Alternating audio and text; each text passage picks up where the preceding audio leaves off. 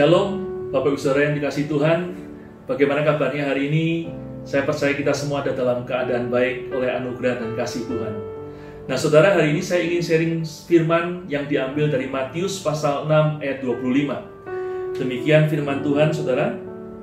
Karena itu aku berkata kepadamu, janganlah khawatir akan hidupmu, akan apa yang hendak kamu makan atau minum, dan janganlah khawatir pula akan tubuhmu, akan apa yang hendak kamu pakai.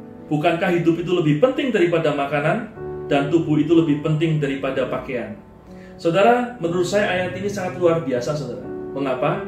Bayangkan, saudara, dalam masa hidup kita yang masih panjang, mungkin masih sekian puluh tahun, Tuhan Yesus memberikan jaminan bahwa setiap hari Tuhan akan pelihara kita dan akan cukupkan apa yang kita perlukan, saudara.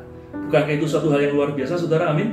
Nah, saudara, pertanyaannya adalah, untuk apa Tuhan Yesus memberikan jaminan yang demikian luar biasa? Dari ayat tadi, jawabannya kita tahu bahwa Tuhan memberikan jaminan supaya kita tidak khawatir. Saudara, kekhawatiran tampaknya saudara bagi sebagian orang dianggap suatu hal yang wajar, suatu hal yang lumrah, yang manusiawi. Tetapi saudara kita mesti sadar, kalau seseorang terus-menerus dikuasai oleh kekhawatiran, maka akibatnya bisa sangat merusak dirinya, saudara. Nah, karena itu saya ingin mengajak kita untuk melihat apa dampak kekhawatiran yang bisa merusak diri seseorang. Dan ada tiga hal yang ingin saya bagikan buat kita semua. Yang pertama, saudara, kalau tadi kita baca Matius 6 ayat 25, maka dibuka dengan kata-kata, karena itu aku berkata kepadamu. Saudara, setiap ayat yang dibuka dengan kata-kata karena itu, pasti ayat itu ada hubungannya dengan ayat sebelumnya. Dan saya mau mengajak kita untuk melihat ayat yang ke-24-nya dari Matius pasal yang ke-6. Dikatakan, tak seorang pun dapat mengabdi kepada dua tuan, karena jika demikian ia akan membenci yang seorang dan mengasihi yang lain. Atau ia akan setia kepada yang seorang dan tidak mengindahkan yang lain.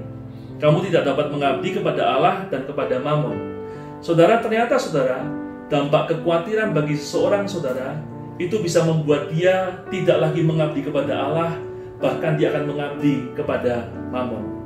Kalau seseorang terus-menerus saudara dikuasai kekhawatiran, maka suatu saat saudara, dia bisa melanggar firman Tuhan demi untuk uang, saudara.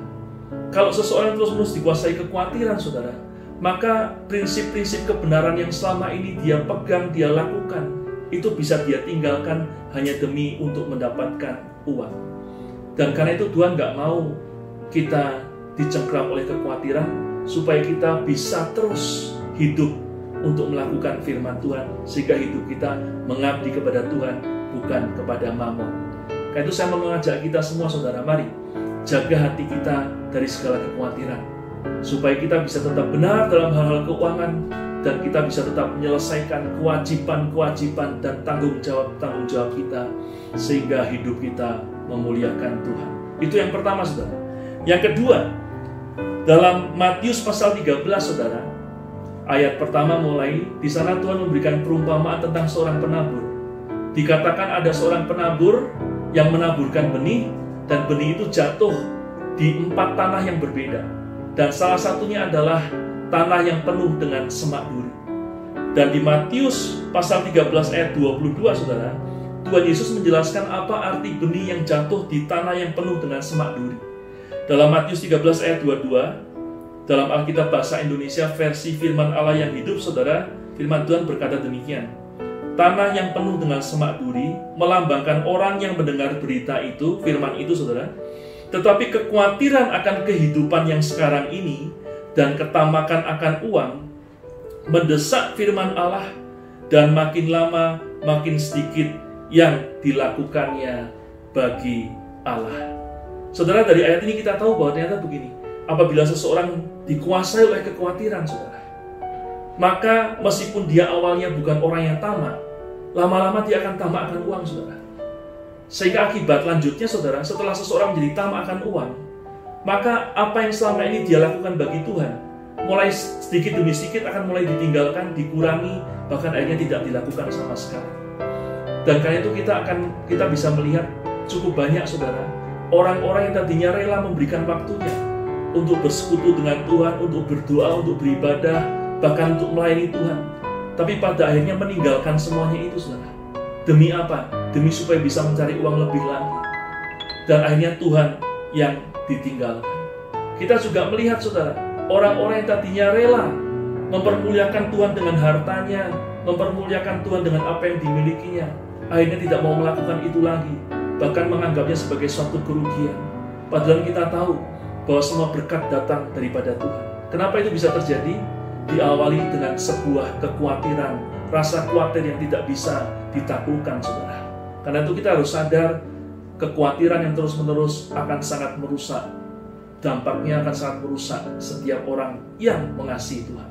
Nah yang ketiga saudara, kalau kita baca Lukas pasal 10 dalam perikop terakhir, kita akan membaca kisah waktu Tuhan Yesus datang ke rumah Marta dan Maria di kampung Betania, saudara. Marta dan Maria menerima kedatangan Tuhan Yesus, tetapi respon mereka berbeda, saudara. Dikatakan Maria segera duduk di kaki Tuhan dan mendengarkan Tuhan terus-menerus. Sedangkan Marta sibuk melayani, melakukan banyak hal, saudara. Sampai akhirnya Marta minta kepada Tuhan Yesus supaya Tuhan menyuruh Maria untuk membantu dia melakukan pekerjaan-pekerjaannya. Tapi apa jawab Tuhan Yesus, saudara?